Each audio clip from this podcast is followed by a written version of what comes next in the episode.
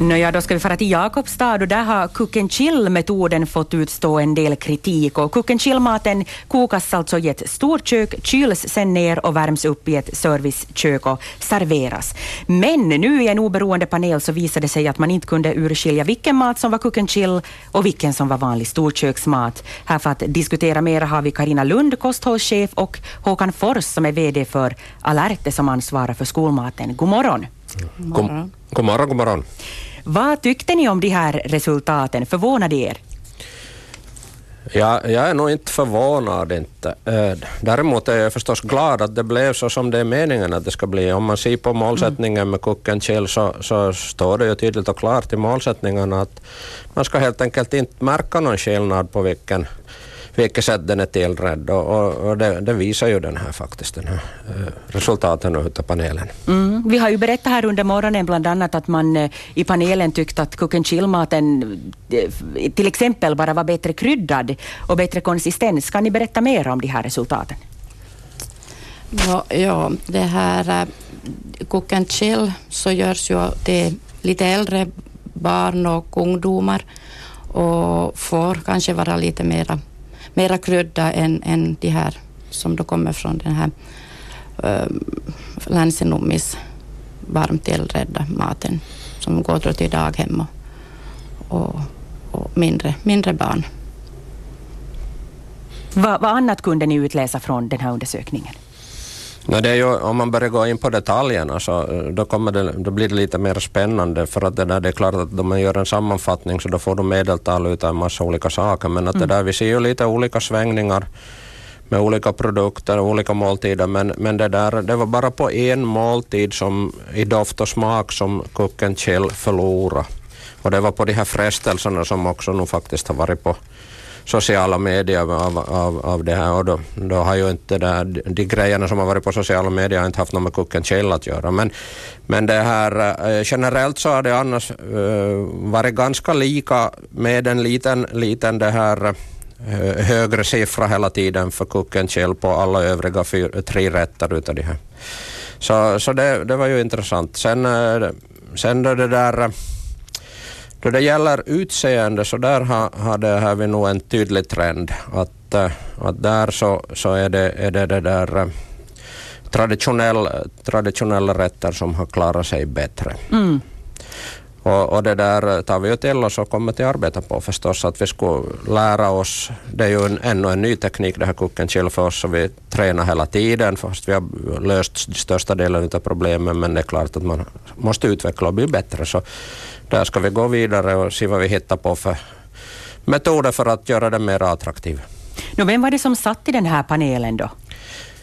Där var, där var det här åtta personer, varav tre journalister, en från vardera officiella media i Jakobstad, Österbottens Tidning, Pietarsaarens Sanomat och Yle.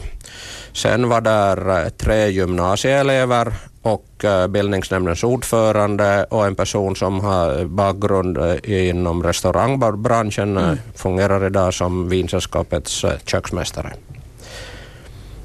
Ja, precis. No, det var ju en ganska sån här representativ skara oberoende människor som, som eh, gav, gav sina tankar och åsikter till er. Då. Det, det skulle jag nog säga. Mm. Och vi, vi följde ju med också lite att hur, det där, hur fördelas de här de här rösterna, men de verkar ju vara som otroligt eniga egentligen hela vägen. Att där var man så nedgång på någonting så var det hela panelen gick ner och när man såg uppgång på någon fråga så gick hela panelen mer eller mindre upp. Så det, det spelar ingen roll om du var elev eller vuxen. Så det är klart att det finns nyansskillnader men generella linjen var ganska lika för allihopa. Eh, I, I höstas så då kom det ett, eh, vi visade ett program som Svenska Yle hade producerat där man eh, pratade om skolmaten. Och ett exempel kom då från Jakobstad där man pratade om bland annat att potatisen har blivit sämre, ris är vattnigt och spagetti ligger i, i vatten. Vilka åtgärder tar ni för att skollunchen ska vara så trevlig som möjligt? Först och främst så måste vi ju eh, sen uh, urskilja att, att vad, är det, vad är det, det där fakta bakom det här, alla de där rätterna du nu nämnde, så är sånt som tillreds eh, på de här fördelningsköken. Och, och, det, där, eh, det betyder alltså att det har ingenting med tekniken att göra igen, utan vi, vi, vi har alltid haft det här samma problemet oberoende på vilket sätt vi har tillrätt maten i, om det har varit små kök eller stora kök och så vidare. Det har ju att göra sen med, med, med råvaror och, och tillredningssätt och så vidare och det där så, så har ju Karinas organisation mer under lupp de här, de här teknikerna och, och, eller sättet att tillreda. Vill du kommentera Karina om den? Ja, vi har vi, faktiskt potatisen har ju stor det är ju inte bara till, tillagningen utan också på sorterna är olika och hur, allt från, från det här eh, när, när de blir odlade och vad det är för, för, för sorts, vad det är för, för säsong. Att det här, de kan vara helt vattniga också och det beror inte bara på hur man, hur man tillreder. Mm. Eh, tidigare så har det också pratats om att personalen eh, som eh, har hand om skolmaten, så de behöver lära sig hur man tillämpar cook and chill-metoden. Och du sa Håkan här att den är ju ganska ny hos, hos er ännu. Ehm, man har pratat om att man ska anlita konsulter för att lära ut den här metoden ordentligt och sen nu också har ni haft den här panelen. Tycker du att man har blivit klokare nu? Om du frågar mig så är jag jättestolt över min personal direkt. Mm. Det, det, de gör ett toppenjobb för tillfället. Vi har definitivt blivit klokare. Har haft förstånd att ta hjälp där det går att ta hjälp, men vi måste komma ihåg när man producerar en massa olika maträtter att det som varierar, det, du har inte samma problem med en frestelse som du har med en soppa eller en gröta. Och det där, då måste vi lära oss eh, bli duktiga på varje enskild produkt som vi producerar och, och det är ju det vi jobbar på.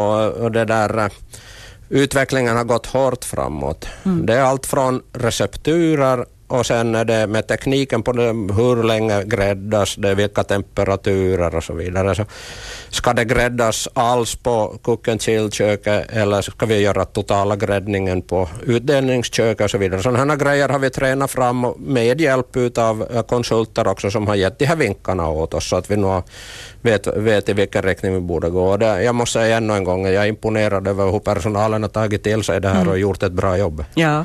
Nu kommer ni, tror ni, att följa upp det här nu då med till exempel en ny panel lite längre fram? Det är inte alls omöjligt. Mycket gärna för att det där... Det, det, vi, vi, är som, vi är intresserade av att utvecklas, vi är intresserade av att föra en dialog med både beställaren och med, med kunderna gästerna som, som Osmo kallar dem.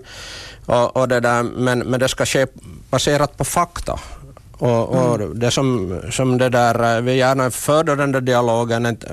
Om vi, om vi har fula bilder utan någon skål som man har grävt ur och sätter det på Facebook och skäller ut oss så är det inte så uppbyggande. Men om vi diskuterar vad vi har i maten och vad barnen tycker om och så vidare så då kan vi utveckla det här. Vi behöver hjälp utav både föräldrar och lärare för att vi ska komma framåt. Inte kan vi allting själv heller. Mm. Så man får komma med konstruktiv kritik? Definitivt, det är vi med på. Mm. Tack för det här Karina Lund och Håkan Fors. Tack så mycket.